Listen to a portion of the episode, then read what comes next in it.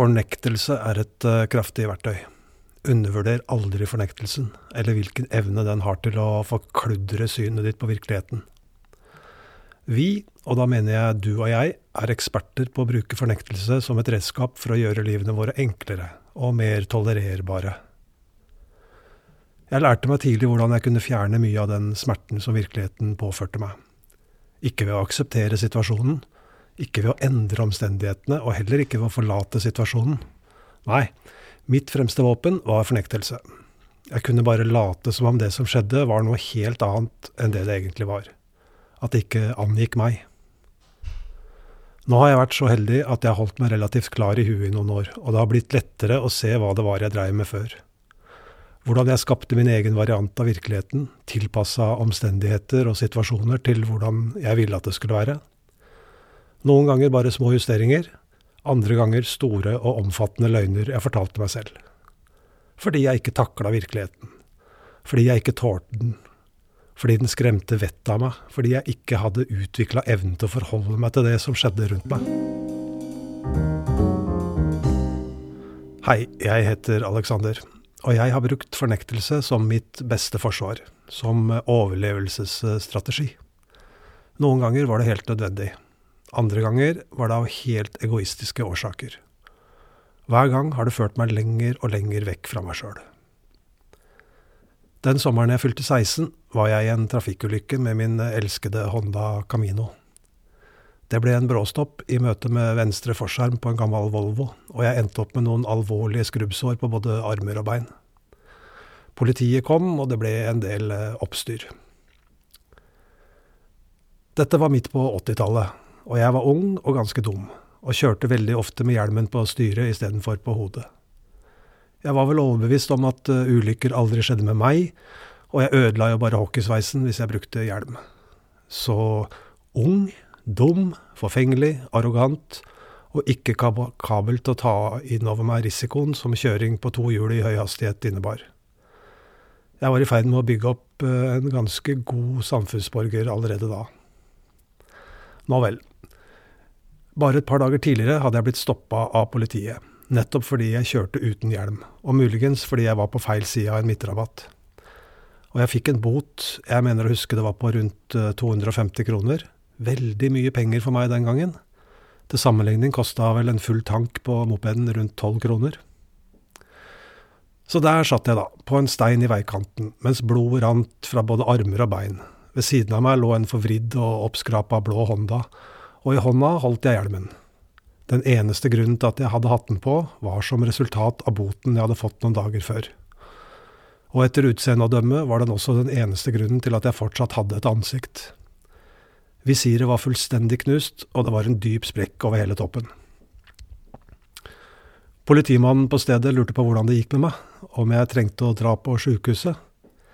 Jeg rista på huet. Nei, nei, dette går bra, mer opptatt av om noen hadde sett meg, enn om hvordan det faktisk uh, sto til med meg. Er du sikker, spurte han. Det kan hende at du er i sjokk. Og så fortalte han en historie om en annen ulykke han hadde kommet til, en som ligna litt på den jeg selv hadde vært oppi. En godt voksen mann hadde velta på motorsykkel, hjelmen hadde løsna, og han hadde på et eller annet vis fått revet av seg det ene øret.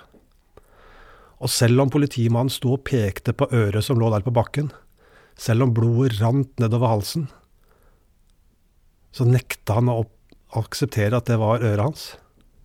Ikke faen, øret mitt er helt ok, det. Jeg vet ikke hva det er som ligger der på bakken, men det er i hvert fall ikke øret mitt. Ok, dette var en digresjon, men den sier noe om hva den menneskelige hjernen er i stand til å gjøre. Vi lurer oss sjøl til å tro at alt er ok. Vi klarer så lett å fornekte virkeligheten, sånn at vi kan pakke oss inn i bobleplast og fortsette som om ingenting har skjedd. Selv hadde jeg ingen forståelse av hvor nær katastrofen jeg hadde vært den dagen, før lenge etterpå. Etter hvert som årene gikk, ble jeg veldig flink til å bruke fornektelsen mer og mer aktivt. Den fikk meg gjennom flere traumatiske situasjoner. Var et uh, særlig ynda redskap når jeg ikke hadde noen andre løsninger tilgjengelig som eh, når jeg våkna med blod på henda og et stort høl i hukommelsen. Nei, jeg snubla vel på veien hjem, da. Eller det er sikkert ingen som husker det jeg sa, eller jeg drikker ikke så mye, jeg er bare litt ekstra glad i bourbon. Det aller verste med fornektelsen var da jeg mista kontakten med meg sjøl, og følelsene mine. Etter hvert ble jeg i stand til å delta i skadelige situasjoner uten å forstå at de var skadelige, både for meg sjøl og de rundt meg. Jeg hadde det vondt, men jeg hadde utvikla en så høy toleranse for smerte at jeg plaska rundt i det uten den ringeste anelse om at dette var unormalt. Jeg ble etter hvert et offer for mine egne overgrep. Fornektelsen beskytta meg, men den blinda meg for følelser, smerte og egen oppførsel. Den ble som et tykt teppe som dekka og beskytta meg mot virkeligheten. Etter at jeg slutta å drikke og ruse meg, begynte jeg glimtvis å få tilbake min sunne fornuft, og sakte, men sikkert også evnen til å se meg selv og verden rundt meg slik den egentlig var. Men jeg bar på så mye. Jeg måtte ta det rolig, forsiktig titte ut under teppet mitt, litt lengre for hver dag som gikk. Hadde noen røska det vekk og utsatt meg for hele virkeligheten på en gang, hadde jeg kanskje gått inn i sjokk. Det hadde blitt for mye å forholde seg til alt det på en gang. Jeg trengte hjelp. Jeg trengte innsikt, utsyn, gjenkjennelse, forståelse, tilstedeværelse. Langsomt og forsiktig. Og livet hjalp meg. Og tiden. Gjennom programmet, gjennom meditasjon, gjennom snørr og tårer, gjennom hvite knoker og gjennom ærlige og herlige delinger og tilbakemeldinger fra andre. Fortsatt bruker jeg nok i enkelte situasjoner fornektelsen. Noen hendelser og situasjoner får meg fortsatt å strekke meg etter teppet mitt, og noen ganger skammer jeg meg over hvor lang tid det tar for meg å akseptere virkeligheten. Flau over å stå midt inne i tåkeheimen igjen og ikke forstå. Men så skjer det noe og tåka letter. Og jeg skjønner at dette var nødvendig, at jeg måtte gjennom det en gang til. For å heles, for å gro, og for å vokse. Nå har jeg lært meg en slags uh, sunn respekt for fornektelsen, og for behovet jeg av og til har for å rulle meg inn i teppet mitt. Jeg vet at det ikke er min jobb å vimse rundt og rive pleddet av andre som gjemmer seg. Det gjør dem bare kaldere og får dem til å ønske å pakke seg inn enda mer. Det beste jeg kan gjøre for meg sjøl og andre, er å forsøke å skape varme og trygghet. Klarer jeg det, blir det enklere for dem også å løfte på teppekanten og kikke ut. Jeg trenger ikke å støtte eller oppmuntre andres fornektelse. Jeg kan være direkte, ærlig og vise forståelse, men hvis de har satt seg helt fast, og hvis oppførselen deres er til skade for meg, kan jeg også velge å trekke meg unna. Jeg kan ønske dem lykke til, og velge å ta vare på meg sjøl. For blir jeg for lenge i andres fornektelse, ender jeg opp med å lete etter mitt eget teppe. Det er nemlig veldig smittsomt, dette her. Jeg foretrekker varme mennesker. Da trenger jeg ikke teppet mitt. Fornektelse kan være veldig forvirrende. Det er litt som en drøm, og vi er ikke egentlig helt klar over hva som skjer, før vi våkner. Å forsøke å tvinge seg sjøl eller andre til å face virkeligheten er sjelden særlig effektivt. We don't face the truth until we're ready.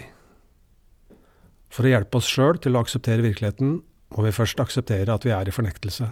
Og så, forsiktig, ydmykt og rolig, kan vi begynne på en reise. Og så må vi hele tiden passe oss, så vi ikke speiler vår egen fornektelse i andre, og heller velger å fokusere på dem enn på oss sjøl.